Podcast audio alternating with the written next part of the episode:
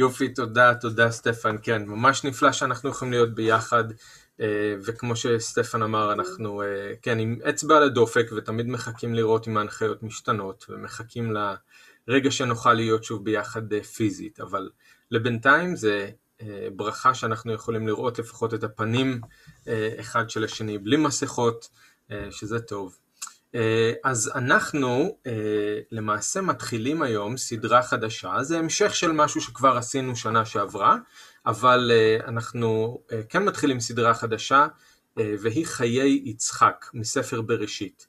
אז אם אתם זוכרים אנחנו עשינו בשנה או בשנתיים האחרונות את חיי אברהם. התחלנו מבראשית פרק י"ב והגענו עד פרשית, בראשית פרק כ"ג ואנחנו רוצים להמשיך עם בראשית כ"ד, אבל זה בעצם איזשהו מעבר לחיי יצחק. אז אם אתם רוצים לפתוח את התנ"כים, אנחנו נהיה בבראשית פרק כ"ד, ואנחנו ממש נהיה רק בתחילת הפרק.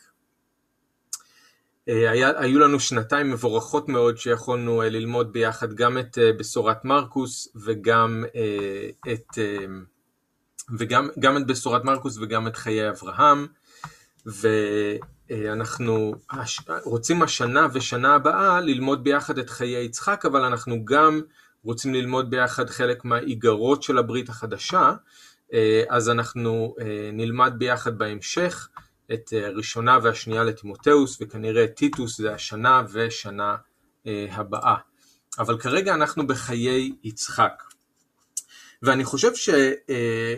אני מאוד התברכתי מה, מהסדרה של חיי אברהם, גם הדרשות שהייתי צריך בעצמי להכין, גם הדרשות ששמעתי אה, מסטפן או מדני או מאחרים, אבל זה היה מאוד אה, מאוד, מאוד מבורך, אני מרגיש ש, שנצמדנו לאברהם, הכרנו אותו ממש לעומק, אה, יש שם הרבה דברים שלא ראיתי לפני זה וממש נשארו איתי, אז עכשיו כשאני קורא בספר בראשית איפה שכתוב על אברהם, אז פתאום אני נזכר בהרבה מהדברים ש... ראינו ביחד בסדרה הזאת, אז אני מקווה שככה זה גם בשבילכם. אה, כן קיבלנו הרבה פידבקים חיוביים מכם, ואני מקווה שעכשיו בחסד האדון נוכל לעשות את אותו הדבר עם יצחק. אתם תראו שזו סדרה הרבה יותר קצרה, יש ממש מעט פרקים אה, שנוגעים לחיי יצחק, אה, אבל אנחנו כן רוצים להתעמק בזה כמו שעשינו עם אברהם, ואני מאמין שלאדון יש הרבה בשבילנו כאן. אוקיי, אז אנחנו בפרק כ"ד, אבל אני רק רוצה להזכיר שבעצם, בעצם אנחנו עדיין עם אברהם במובן מסוים, זה, זה סוף החיים של אברהם. אז אם אתם זוכרים, אנחנו, אה, כשהיינו בפרק כ"ג, אה, ראינו ש... זה אחרי עקדת יצחק, אם אתם זוכרים כל מה שקרה שם, וראינו ששרה בפרק כ"ג אה, מתה, אברהם קונה את מערת המכפלה, ואז אה, אמרנו שזה סוג של מעבר לאט לאט אל תוך חיי יצחק. אז אברהם אה, כבר הופך להיות איש זקן והוא מתקרב לסוף, ואמרנו כמו כל איש חכם זקן שמתקרב לסוף, הוא, לפני שהוא מעביר ככה את השרביט ליצחק, הוא בעצם מכין את הצוואה, הוא עושה סדר. אה, והכי חשוב מבחינתו של אברהם זה להכין את הקרקע, אם אתם זוכרים, אמרנו להתגשמות של ההבטחות, של הצאצאים והאדמה. אעשיך לגוי גדול ולזרעך אתן את הארץ הזאת. אז ההבטחות האלה אה, שאלוהים נתן לאברהם, הם, הן בראש מעייניו לפני שהוא מת, לפני שהוא עוזב את העולם הזה. הוא עושה סדר. אז ראינו בפרק כ"ג שהוא קונה את מערת המכפלה, ואז הוא בעצם תוקע יתד בארץ המובטחת, אם אתם זוכרים. אה, וזה כאיזושהי הכנה להתגשמות של ההבטחה לזרעך ייתן את הארץ הזאת. אז היום, בפרק כ"ד, אנחנו מתחילים את הסיפור הזה של איך אברהם מתכונן לקראת ההתגשמות של ההבטחה השנייה. אעשיך לגוי גדול, וביצחק יקרא לך זרע. אז אה, זה, זה איפה שאנחנו ואנחנו רק מתחילים, אוקיי? אז, ו, וזה גם מעבר, אז אנחנו עדיין עם אברהם, אנחנו לאט לאט עוברים ליצחק, אבל זה לא קורה ממש עכשיו. אז אם תהיו איתי בפרק כ"ד, אני קורא את פסוקים 1 עד 9, אז נתפלל ונתחיל. ואברהם זקן בא בימים, ואדוני ברך את אברהם בקול. ויאמר אברהם אל עבדו זקן ביתו המושל בכל אשר לו, שים נא ידך תחת ירכי, ואשביעך באדוני, אלוהי השמיים ואלוהי הארץ, אשר לא תיקח אישה לבני מבנות הכנעני אשר אנוכי יושב בקרבו, כי אל ארצי ואל מולדתי תלך, ולקחת אישה לבני יצחק. ויאמר אליו העבד, אולי לא תובע האישה ללכת אחריי אל הארץ הזאת? האשב אשיב את בנך אל הארץ אשר יצאת משם? ויאמר אליו אברהם, הישמר לך פן תשיב את בני שמה. אדוני אלוהי השמיים אשר לקחני מבית אבי ומארץ מולדתי, ואשר דיבר לי ואשר נשבע לי לאמור, לזרעך אתן את הארץ הזאת, הוא ישלח מלאכו לפניך, ולקחת אישה לבני משם. ואם לא תובע אישה ללכת אחריך, וניקית משבועתי, משבועתי זאת, רק את בני לא תשב שמה. וישם העבד את ידו תחת ירך אברהם אדוניו, וישבע לו על הדבר הזה. אז בואו נתפלל. אבא יקר, אנחנו מודים לך על הערב, ואנחנו מודים לך שאנחנו גם עומדים ב, אה, על הסף כאן אה, בתחילת הסדרה החדשה הזאת, אה, ואנחנו נרגשים לקראת כל מה שאתה רוצה ללמד אותנו דרך החיים של יצחק, אה, ואפילו כאן בסוף החיים של אברהם. אנחנו מודים לך שאף מילה לא כתובה כאן סתם, שום דבר הוא כאן לא לחינם, אלא יש משמעות ויש כוונה. אתה רוצה ללמד אותנו, אתה רוצה לעצב את החשיבה שלנו, לאתגר אותנו, לשנות אותנו בסופו של דבר להיות יותר כמוך, להידמות לישוע בנך. אז אנחנו מתכו... מתפללים שתיקח את הזמן הזה שיש לנו ביחד, את המילים האלה שיש בדברך, ותחיה אותם על ידי הרוח. ותעזור לכל אחד ולכל אחת מאיתנו להפנים את מה שאתה מנסה ללמד ולהראות, ותן לכל אחד ואחת מאיתנו גם לחשוב איך זה נוגע אלינו באופן אישי, ומה אנחנו יכולים לעשות את זה, עם זה. אנחנו מתפללים, אדון, שתפתח את דברך, שדברך יהיה אור בשבילנו. אנחנו מודים לך שאתה איתנו, ונותנים לך את הזמן הזה בשם ישוע. אמן. אז כמו שאמרתי, אה, היום אנחנו רק מתחילים את הסיפור הזה, הסיפור שבו אברהם שולח את העבד שלו כדי להביא אישה ליצחק אה, בנו. אבל אני רוצה רק אה, להגיד משהו באופן כללי. אני חושב שאנחנו צריכים לשים לב לסיפור הזה, והוא סיפור לא קצר. אנחנו לא נעשה, היום אנחנו רק מתחילים, וזה ייקח לנו אולי עוד שלוש דרשות או משהו כזה כדי לכסות את הסיפור הזה. זה סיפור לא קצר, אבל אני חושב שאנחנו צריכים לשים לב לסיפור הזה משתי סיבות. קודם כל, כי כאן אנחנו מתחילים בעצם לראות איך הברית עוברת מאברהם ליצחק. או במילים אחרות, אנחנו מתחילים לראות איך אלוהים מקיים את מה שהוא הבטיח. המילים ביצחק יקרא לך זרע מתחילות בפעם הראשונה להתגשם ממש כאן, בסיפור הזה, עם העבד שהולך לחפש אישה ליצחק. ואנחנו עוד נראה איך היד של אלוהים פועלת מאחורי הקלעים, גם דרך אברהם, גם דרך העבד, דרך המשפחה של רבקה, דרך רבקה עצמה, כדי להביא בסוף את רבקה ליצחק, כדי שדרכם הברית תמשיך להתקיים. אז בסיפור הזה אנחנו עדיין לא רואים ושומעים את יצחק בעצמו. אלוהים עדיין לא מתגלה אליו ישירות כדי לאשר לו את הברית ואת ההבטחות, זה יקרה בהמשך. כרגע בסיפור הזה כן יש את המעבר הזה מאברהם ליצחק, וזה חשוב כי זה מראה לנו איך שאלוהים ממשיך להיות נאמן מדור לדור. הנאמנות שלו לא נעצרת באברהם, אלא היא ממשיכה גם אחריו ליצחק. אבל יש עוד סיבה שאנחנו צריכים לשים לב לסיפור הזה, בזה, בזה אני רוצה שאנחנו נתמקד אה, היום, זה הסיפור בעצם שחותם את החיים של אברהם. אנחנו פוגשים כאן אברהם שהוא זקן, הוא בסוף ימיו, הוא בן 140 שנה. עכשיו צריך להגיד שזה לא ממש שהוא עומד למות עכשיו, בחסד האדון הוא עוד ימשיך לחיות לא מעט שנים אחרי כל זה, אבל הוא כן היה זקן מאוד, אולי הוא גם היה חלש, אולי הוא היה חולה, ומבחינתו הסוף היה יכול להגיע כל רגע, וחוץ מזה מבחינת דבר אלוהים, כן, זה באמת הסוף של חיי אברהם. הסיפור הזה מתאר את המעשה האחרון שלו ואת המילים האחרונות שלו. אחרי הקטע שלנו היום אנחנו לא נשמע אותו יותר אומר משהו, אנחנו לא נראה אותו עושה עוד משהו. אז הסיפור הזה הוא כן הסוף של חיי אברהם במובן הזה, ואפשר להגיד שהקטע שלנו היום הוא כמו שירת הברבור של אברהם, או אקורד הסיום של החיים שלו. זאת ההזדמנות האחרונה שלנו להציץ אל תוך הנפש של איש האלוהים הזה ולראות איזה אדם הוא הפך להיות אחרי כל מה שהוא עבר עם אלוהים. ומה שאנחנו נראה היום זה שאברהם לא רק הבשיל מבחינת הגיל, אלא גם מבחינת האמונה. הוא למד, הוא יישם, הוא השתנה, הוא כבר לא אותו אדם שיצא לפני כל כך הרבה שנים מחרן. הוא לא אברהם הישן, שבורח ומשקר ומנסה לעשות דברים בכוחות עצמו, כמו שראינו בסדרה ההיא. הוא נתן לניסיונות ולקשיים לבגר אותו, ולתקן אותו, ולחזק אותו. וכאן בסוף ימיו אנחנו רואים את הפרי. אז למרות כל הזיופים ולמרות כל הצלילים הצורמים שכן היו בדרך, אקורד הסיום של חיי אברהם הוא דווקא צליל נקי וברור של אמונה. עכשיו, זה לא רק חשוב בגלל שהוא בעצמו השתנה, אלא כי זאתי גם המורשת שהוא משאיר אחריו ליצחק. כאן הוא מעביר את הבטון לדור הבא.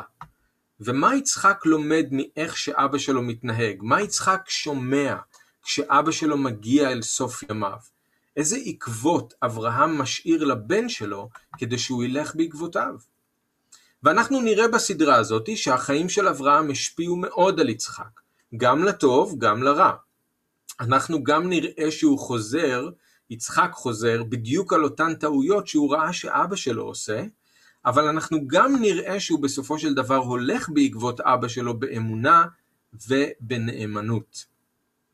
אז אפילו לפני שנסתכל קצת יותר מקרוב על הקטע שלנו, אני מעיר את ההערה הזאת כהערה כללית לכולנו, במיוחד אולי לאלה מאיתנו שהם כבר קצת יותר מבוגרים. בואו נחשוב על איך אנחנו רוצים שיישמע אקורד הסיום של החיים שלנו. בואו נחשוב על המורשת שאנחנו נשאיר מאחורינו. בואו לא רק נחשוב על עצמנו ולא רק נחיה בשביל עצמנו. אברהם, תראו, בסוף ימיו לא חשב על עצמו, הוא חשב על יצחק. לפני שהוא מת, מה שהיה חשוב לו לעשות זה אה, לעשות סדר. וזה לא מבחינת רכוש או כסף, זה מבחינה רוחנית. הוא דאג לברית של אלוהים ולהבטחות של אלוהים. כמו שראינו, אדמה וצאצאים, שתי ההבטחות העיקריות שאלוהים נתן לו. בגלל זה לפני שהוא מת הוא קנה את מערת המכפלה, ובגלל זה עכשיו הוא שולח את העבד שלו להביא אישה ליצחק. אז בואו ניתן לדוגמה הזאת של אברהם להזכיר לנו שיעור חשוב. הנאמנות של אלוהים תמשיך גם אחרינו. אלוהים רוצה שהברית שלו וההבטחות שלו יעברו מדור לדור. אז בואו נחיה את החיים שלנו עם הכוונה לסיים נכון ולסיים טוב, ולא רק בשבילנו, אלא גם בשביל הדורות הבאים. ובואו, כמו אברהם, נכין את הקרקע לכל מה שאלוהים רוצה לעשות אחרי שאנחנו נעזוב את העולם. אז זה הערה כללית על הסיפור הזה באופן כללי, למה אני חושב שחשוב שנשים לב אליו, מה אנחנו יכולים ללמוד ממנו, פשוט באופן כללי. אבל אני רוצה להסתכל עכשיו על הקטע שלנו ביחד, מה שקראנו פסוקים 1 עד 9. אז אנחנו רואים שאברהם, שהוא זקן והוא בא בימים ואלוהים ברך אותו בהכל, לא חסר לו כלום. עכשיו, כמו שהוא קנה את מערת המכפלה בנוגע להבטחה של הארץ, עכשיו הוא מתפנה להכין את הקרקע להבטחה הזאת של הצאצאים. הוא בעצם שולח את העבד שלו, כנראה שזה אליעזר, למרות שלא כתוב לנו, כנראה שזה אליעזר, הוא שולח אותו להביא אישה ליצחק.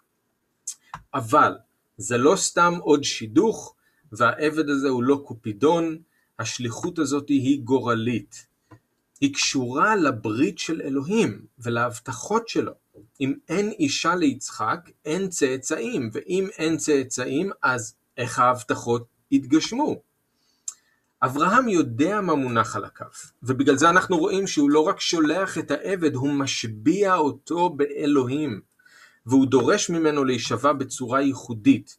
העבד צריך להניח את היד שלו תחת הירך של אברהם כשהוא נשבע. וככה דרך אגב אנחנו רואים שיעקב עושה בדיוק אותו דבר, הוא משביע את יוסף שהוא יקבור אותו בארץ המובטחת ולא ישאיר אותו במצרים, אז הוא עושה בדיוק את אותה פעולה. עכשיו במובן מסוים העניין הזה של השבועה, כן, ומה שהוא עושה, זה לא משהו חריג. כמו שהיום במקרים מסוימים צריך להניח למשל יד על התנ"ך ולהישבע, אז ככה גם בימים ההם כל שבועה משמעותית, השבועות החשובות ביותר, היו מלוות באיזשהו טקס, איזשהו סמל, משהו שהיה נותן ביטחון לשני הצדדים שהשבועה הזאת באמת תתקיים.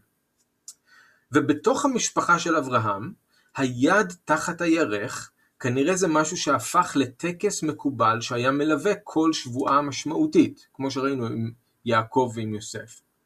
עכשיו למה? למה דווקא הפעולה הזאת? למה דווקא היד תחת הירך?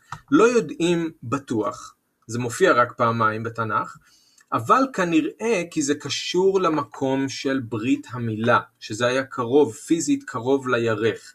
כשמישהו היה שם יד תחת הירך, אז הוא בעצם היה נשבע בברית שאלוהים כרת עם אברהם, והסמל של הברית זה ברית המילה.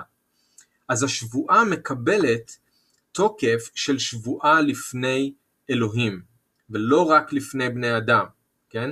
אז הכוונה היא שאלוהים ישפוט את אותו אדם שנשבע אם הוא לא יקיים את השבועה. זה לא רק לפני בני אדם, זה לפני אלוהים. אז אברהם, אנחנו רואים, מתייחס לנישואים של יצחק כדבר גורלי, וכבר כאן אנחנו מתחילים לשמוע את אקורד הסיום הזה שדיברתי עליו, הצליל הנקי והברור של האמונה.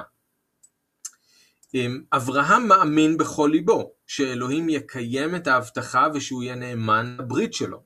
אנחנו רואים את זה בזה שהוא קודם כל מאמין שההבטחה תתגשם דרך יצחק.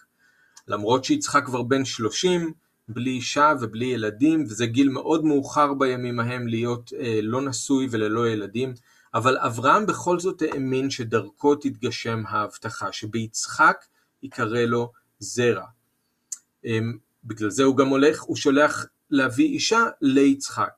אנחנו רואים שאברהם גם האמין בהבטחה של אלוהים בנוגע לארץ. הוא משביע את העבד שלו שלא ייקח אישה ליצחק מבנות כנען, ופעמיים הוא מזהיר אותו שבשום אופן הוא לא ישיב את יצחק אל הארץ שממנה הוא יצא.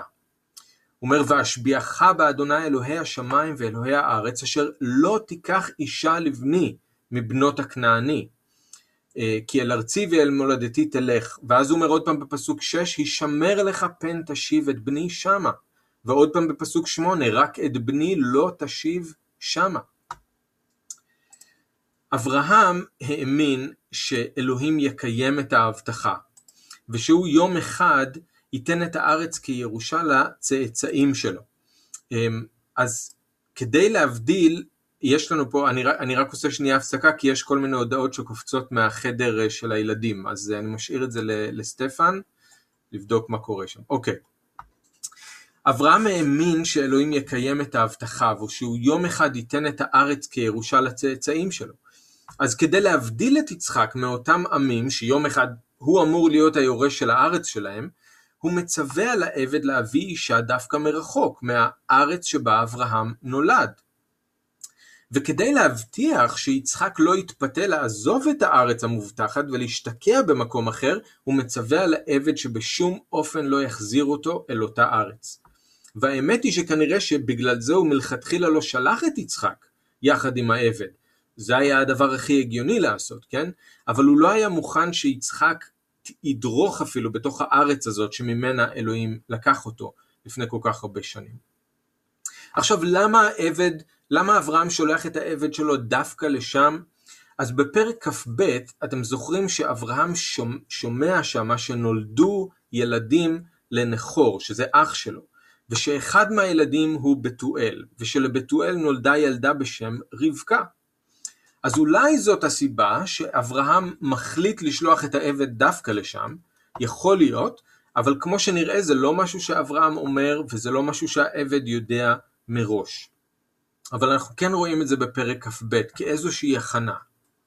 אז אם אנחנו מסתכלים אפילו רק בגדול על ההחלטה של אברהם למצוא אישה ליצחק, ועל איך שהוא משביע את העבד שלו ושולח אותו לארם, אנחנו מקבלים את הרושם שהאמונה של אברהם באמת חזקה, שיש לו ביטחון בהבטחות של אלוהים. ובאמת באל העברים כתוב לנו על אברהם, כתוב לנו שהוא החזיק באמונה, ושהוא מת בלי שהוא השיג את הדברים המובטחים, אבל שהוא ראה אותם מרחוק, והוא קידם אותם בברכה כשהוא מודה שהוא זר וגולה בארץ. זה באל העברים י"א. הוא ראה את הדברים האלה מרחוק והוא קידם אותם בברכה. הוא מת בלי שהוא השיג, אבל הוא הסתכל קדימה, והוא האמין שהכל יתגשם. ואני חושב שזה באמת נכון. התמונה הכללית של מה שאמרנו עד עכשיו, מה שראינו, זה נכון. אנחנו רואים אברהם שהוא מאמין. אבל זה לא הכל. האמונה של אברהם זורחת אפילו ביותר עוצמה בקטע שלנו בפסוקים 5 עד 8. כי לכאורה, אם תחשבו על זה, היה אפשר לקצר, נכון? היה אפשר פשוט לדלג מפסוק 4 ישר לפסוק 9, ולא היינו ממש מאבדים שום דבר ממה שאמרנו עד עכשיו. שים ידך תחת ירחי, אשביעך באלוהים, אל ארצי ואל מולדתי תלך, ואז וישם העבד תחת, את ידו תחת ירך אברהם אדונו, וישבע לו על הדבר הזה. לכאורה היה אפשר לדלג מפסוק 4 לפסוק 9, בסופו של דבר העבד עושה את מה שאברהם אומר לו לעשות והוא יוצא לדרך. עדיין היינו אומרים שהמילים האחרונות של אברהם מראות שהוא היה מאמין, או לפחות הצורה שבה הוא התייחס לכל זה, מה שהוא עשה. עדיין היינו יכולים לשבח אותו שהוא עשה את הרצון של אלוהים. אז למה משה, שכתב את הדברים, למה הוא הכניס כאן את השיחה הזאת בין העבד לבין אברהם, בפסוקים 5 עד 8? אז נכון שבלי זה היה אפשר להגיע למסקנה שאברהם בטח באלוהים והוא נשאר נאמן. אבל המילים האלה כאן, ובמיוחד השאלה של העבד, כדי שאנחנו נוכל לשמוע את אברהם אומר את הדברים האלה בעצמו, במילים שלו. כדי שאנחנו נוכל לראות מה יש באמת בלב של אברהם הזקן. השאלה של העבד פותחת לנו בעצם חלון, לראות את הלב של אברהם המאמין, והיא מוציאה לאור את האמונה שלו, שהיא גם הסיבה לנאמנות שלו. אז בפסוק 5 כתוב לנו, ויאמר אליו העבד, אולי לא תובע האישה ללכת אחריי אל הארץ הזאת, האשב אשיב את בנך אל הארץ אשר יצאת משם? העבד עוצר את אברהם רגע לפני שהוא שם את היד שלו תחת הירך והוא שואל רגע, אולי האישה לא תרצה לבוא לכאן? מה אז? האם זה יהיה בסדר כן להחזיר את יצחק אל הארץ ההיא? ולכאורה זאת שאלה לגיטימית, כן? הוא אומר אני יכול ללכת לשם, אני יכול לחפש, אני יכול כנראה בסוף גם למצוא אישה מתאימה, אבל אני לא יכול להכריח אותה לבוא איתי.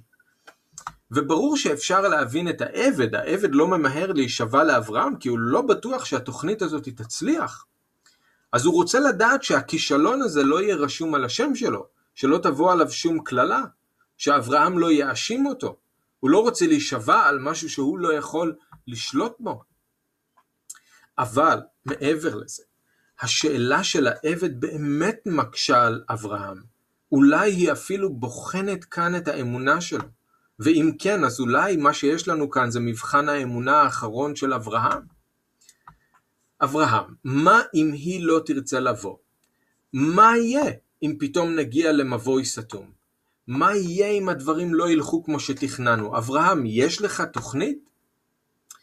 ובשאלה הזאתי, אולי העבד אפילו רומז לאברהם שכדאי לו להתגמש קצת.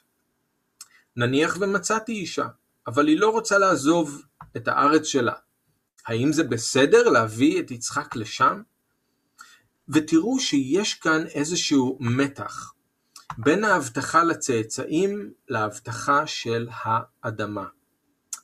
אם לא יהיו צאצאים, אז לא יהיו יורשים. ואם אין יורשים, אז מה זה משנה שיש אדמה? אבל אם יצחק יעזוב, אולי יהיו יורשים, אבל מה זה משנה אם אין אדמה, אם הם לא גרים כאן?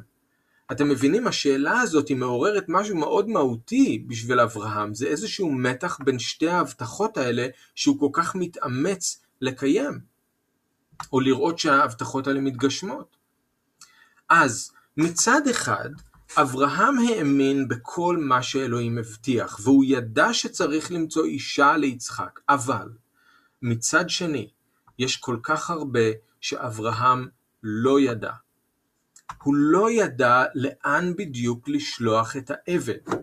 הוא לא שולח את העבד עם הוראות ברורות ללכת לעיר מסוימת או לכפר מסוים, הוא לא שולח אותו עם כתובת, אלא רק באופן כללי, כן? אל ארצו ומולדתו. הוא גם לא יודע מי זאת האישה, הוא לא שולח את העבד מתוך ידיעה שיש איזושהי אישה מסוימת שתתחתן עם יצחק. הוא לא נתן לעבד שם, הוא לא נתן לעבד תיאור, הוא פשוט שלח אותו אל ארצו ומולדתו לחפש אישה. הוא גם לא ידע מה תהיה התגובה של האישה. הוא לא שולח את העבד כשהכול מתואם ומאורגן איתה ועם המשפחה שלה, אז גם אם העבד ימצא אישה מתאימה, באמת לא בטוח שהיא תסכים, שהיא תסכים לבוא או שהמשפחה שלה תסכים לתת אותה. אלוהים בחר שלא לגלות לאברהם מראש את כל הפרטים האלה של התוכנית. הוא לא גילה לו שהיא נמצאת בעיר נכור, הוא לא אמר לו שזאת תהיה רבקה, הוא בחר שלא להגיד לו מראש שהמשפחה תסכים ושגם היא תסכים. אז האמת, לאברהם היו ברגע הזה יותר שאלות מתשובות. היה לו רק כיוון כללי, הייתה לו הרגשה אולי מה שנכון לעשות, אבל לא יותר מזה. הוא לא חלם חלום, הוא לא ראה איזשהו חזון, לא הייתה לו התגלות מאלוהים, וזה לא עניין קטן בכלל, כל ההבטחות של אלוהים תלויות בהצלחה של המשימה הזאת, אבל לא היה לו משהו כזה מאלוהים. אלוהים לא גילה לו. אולי בגלל זה הוא בכלל חיכה כל השנים האלה עד שיצחק בן שלושים, זה המון שנים. אולי בגלל זה הוא חיכה כל השנים האלה ולא חיתן עדיין את יצחק, כי הוא חיכה לאיזשהו סימן מאלוהים שיגיד לו מה לעשות, מי האישה, לאן ללכת.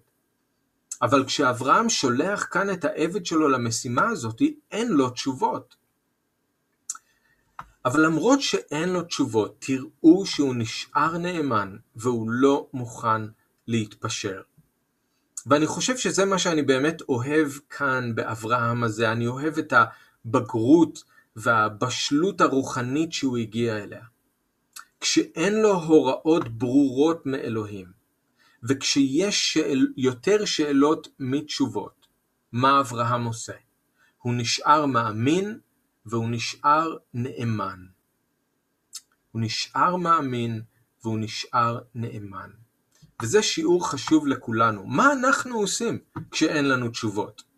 מה אנחנו עושים כשאין לנו הוראות ברורות מאלוהים מה לעשות? מה אנחנו עושים כשאנחנו צריכים לצאת לדרך כשיש יותר סימני שאלה מסימני קריאה? זה לא רק אני נתקל בזה, אני בטוח שגם אתם נתקלים בזה, זה חלק מהחיים שלה. אז תראו איך אברהם עונה לעבד הזה, כשהוא פתאום מתקיל אותו עם איזו שאלה שהוא לא יודע איך לענות עליה. מה אם היא לא תרצה לבוא? אז תראו איך אברהם מתמודד עם הלא נודע. אז באמת היו הרבה דברים שאברהם לא ידע, אבל היו כמה דברים שהוא כן ידע, ועל זה הוא נשען, וזה מה שאני רוצה שתראו. דבר ראשון, אברהם ידע שאלוהים הוא לא רק אחד האלילים, הוא אלוהי השמיים והארץ.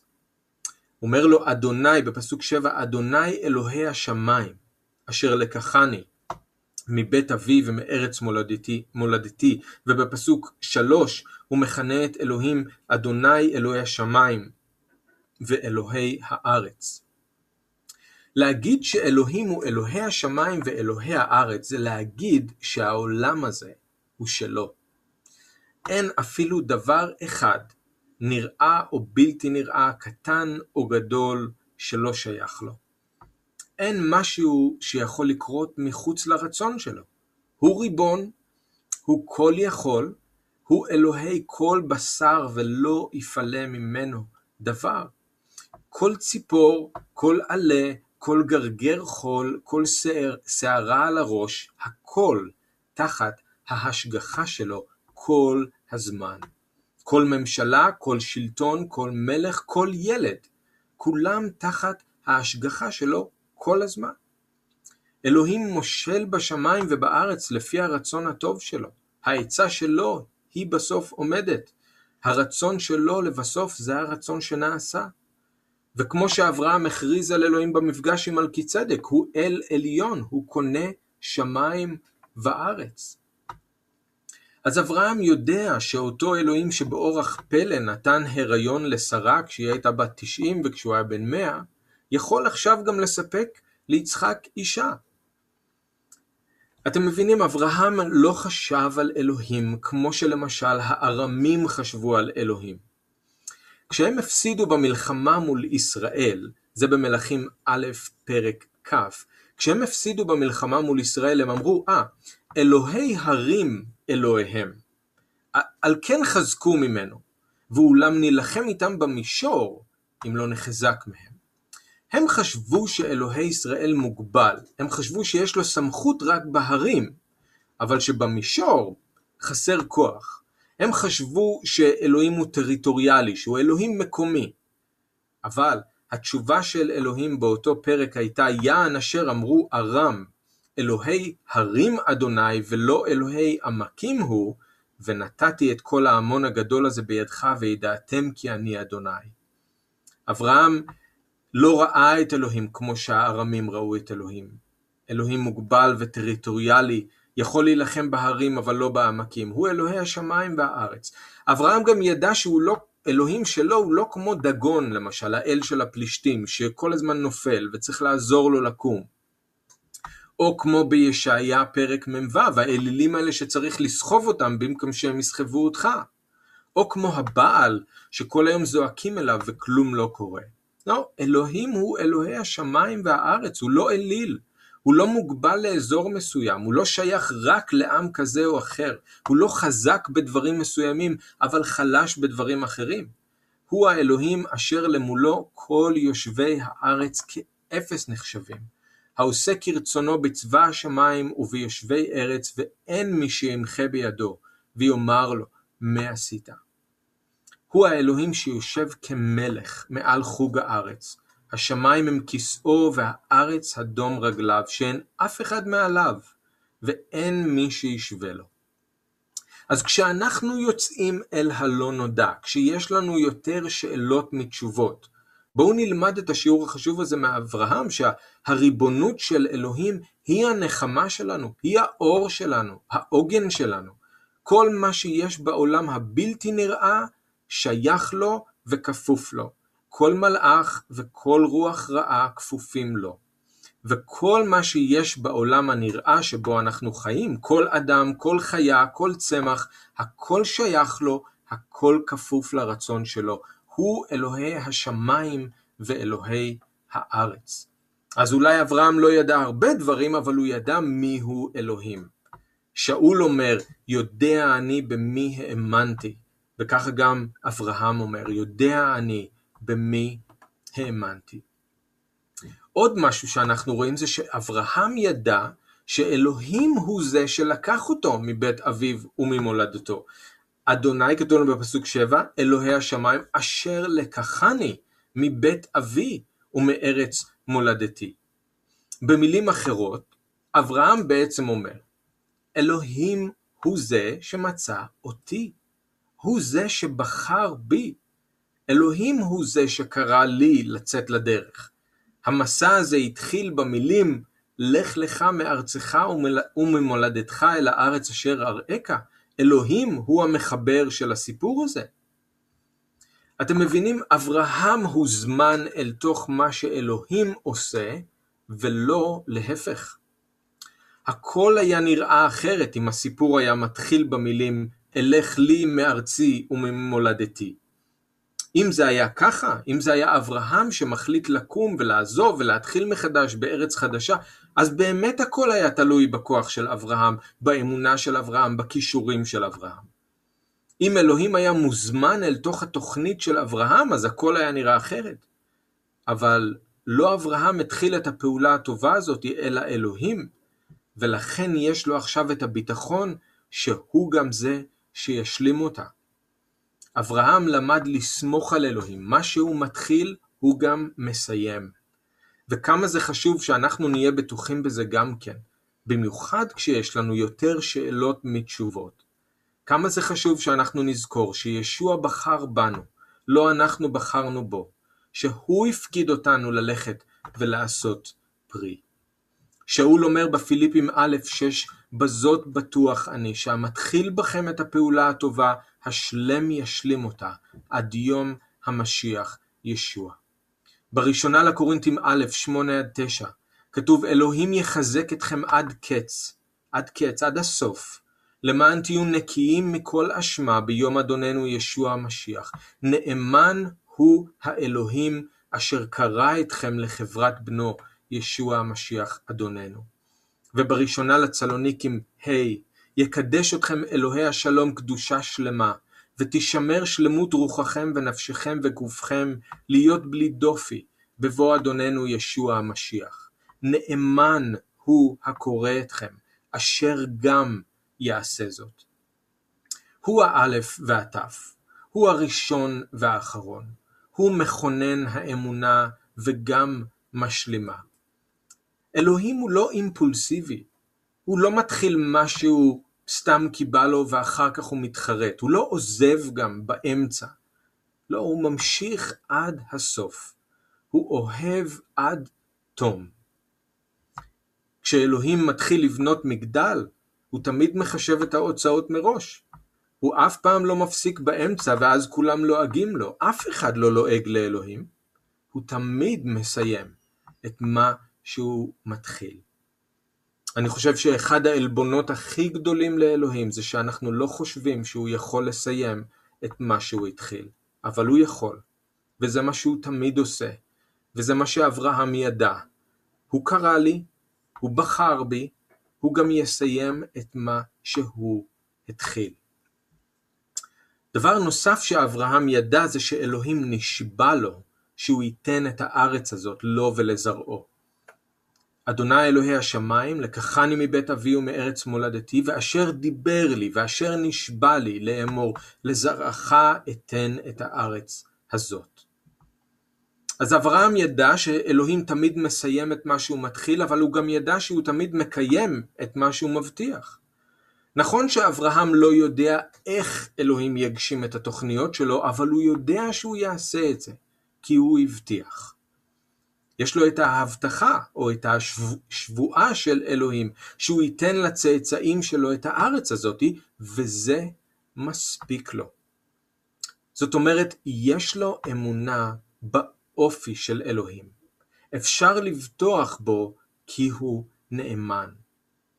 כמה שאנחנו פחות בוטחים במישהו, ככה אנחנו צריכים יותר ערבונות ופקדונות וביטחונות, למקרה ש...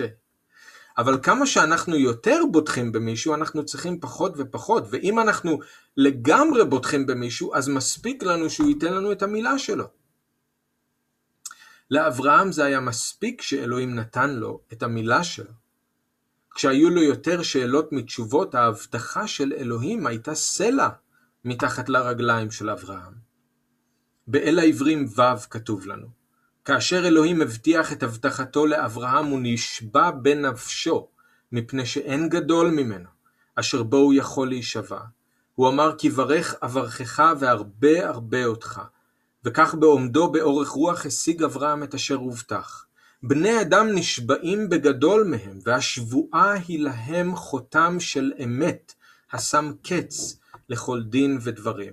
וכאשר רצה אלוהים להראות ביתר תוקף ליורשי ההבטחה כי כוונתו איננה ניתנת לשינוי, התחייב בשבועה.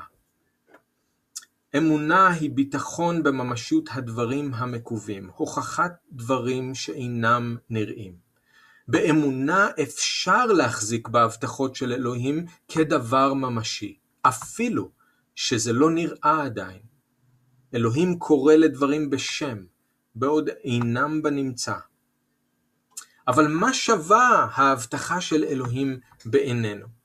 האם אנחנו יכולים לבטוח בו כמו אברהם? אני יודע שיש הרבה אנשים בחיים שלכם שהבטיחו לכם הרבה הבטחות והפרו אותן, גם לי. בעצם לכולנו זה קורה כל הזמן, פוליטיקאים, סוכני מכירות, כולם מבטיחים הבטחות וכולם מפרים את ההבטחות. ואולי עשו לכם את זה כל כך הרבה פעמים שעכשיו אתם כבר לא מאמינים לאף אחד. אבל המילה של אלוהים, מה היא שווה בעינכם? אם אלוהים הבטיח, אם הוא נשבע, האם הוא לא יקיים? קיפה אומר שאנחנו קיבלנו מאלוהים הבטחות גדולות מאוד ויקרות. מה ההבטחות האלה שוות בעיניכם? אתם מאמינים לו כשהוא אומר שהוא משגיח עליכם? שאתם יקרים לו יותר מציפורים רבות, וששערות ראשכם נמנו כולן? ושאם הוא דואג להאכיל ולהלביש את עוף השמיים ואת שושני השדה, אז על אחת כמה וכמה הוא ידאג לכם? אתם מאמינים למילים הפשוטות האלה, הוא דואג לכם? השליכו עליו כל יהבכם, כי הוא דואג לכם? הוא דואג לכם? אתם מאמינים שהוא לא ירפה מכם ולא יעזוב אתכם לעולם? אתם מאמינים לו כשהוא אומר שאיש לא יחטוף אתכם מידו? אתם מאמינים לו כשהוא מבטיח לא להניח לכם להתנסות למעלה מיכולתכם? כשהוא מכין לכם מקום ושהוא יחזור לקחת אתכם אליו? שהוא ייתן לכם מנוחה ומרגוע לנפש אם תביאו אליו את המסעות הכבדים שלכם? שהוא קיים ונותן גמול לדורשיו? שאם תבקשו ממנו לחם הוא לא ייתן לכם אבן? האם אתם מאמינים לו? אברהם לא ידע איך אלוהים יגשים את ההבטחה, אבל הוא ידע שהוא יגשים אותה. אם הוא הבטיח, אז הוא יקיים. אם הוא הבטיח צאצאים דרך יצחק, אז הוא גם יספק את האישה. והוא יודע מי היא, והוא יודע איפה היא נמצאת, והוא ידע גם איך להוביל את העבד אליה. אז יש הרבה דברים שאברהם לא ידע, אבל כל מה שהוא כן ידע, זה שאלוהים הוא ריבון על הכל, שהוא זה שקרא לו לצאת לדרך, ושהוא הבטיח. הריבונות של אלוהים, הקריאה של אלוהים, וההבטחה של אלוהים, זה מה שהיה לו. זה כאילו שאברהם אמר לעבד, אני לא יודע לאן בדיוק לשלוח אותך, אני לא יודע את מי אתה צריך לחפש, אני לא יודע אם היא תסכים, אבל אני יודע שאלוהים הוא אלוהי השמיים. אני יודע שהוא התחיל, אני יודע שהוא הבטיח, אני בטוח שהוא ילך לפניך. ואז זה כל כך יפה כי הוא פשוט הרפה, אברהם הרפה והשאיר את הכל בידיים של אלוהים. אם היא לא תרצה לבוא, העבד פטור מהשבועה. אבל בכל מקרה אסור לו להחזיר את יצחק אל אותה ארץ. ואני כל כך אוהב את מה שאנחנו רואים כאן אצל אברהם, כי אין כאן מניפולציה. אין כאן הכוח שלו והחוכמה שלו והניסיון שלו לגרום לדברים לקרות. הוא פשוט שם את הביטחון שלו באלוהים, במישהו, בהבטחה של אלוהים, בנאמנות של אלוהים, הוא בוטח בו והוא שולח את העבד שלו פשוט באמונה. אין לו תשובות, הוא לא יודע. הוא בעצמו לא יודע והוא לא יודע מה להגיד לעבד, הוא לא יודע את התשובה.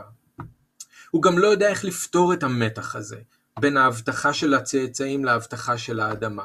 והוא לא ניסה לפתור את זה בעצמו, הוא פשוט הרפה ובטח באלוהים. אז השאלה של העבד באמת פתחה בשבילנו, אני חושב, חלון, להציץ בפעם האחרונה, זאת הפעם האחרונה, שאנחנו יכולים להציץ אל תוך הלב של אברהם.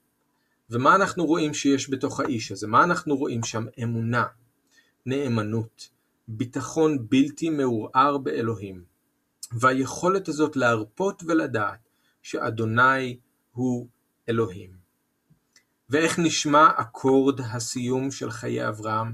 הצלילים הם צלילים חזקים של אמונה ושל נאמנות. אנחנו לא פוגשים כאן את אברהם שיש לו את כל התשובות.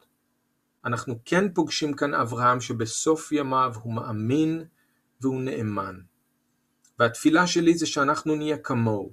נהיה כמוהו גם עכשיו ונהיה כמוהו עד הסוף, עד סוף ימינו. אז בשבוע הבא אנחנו נצא לדרך עם העבד של אברהם, העבד הטוב והנאמן, ואנחנו נראה איך היד הבלתי נראית של אלוהים מכוונת ומדריכה את הכל. ובסוף הסיפור, אתם יודעים, אנחנו גם נראה שאברהם לא בטח סתם באלוהים, הוא לא בטח בו לשווא, אלוהים לא אכזב.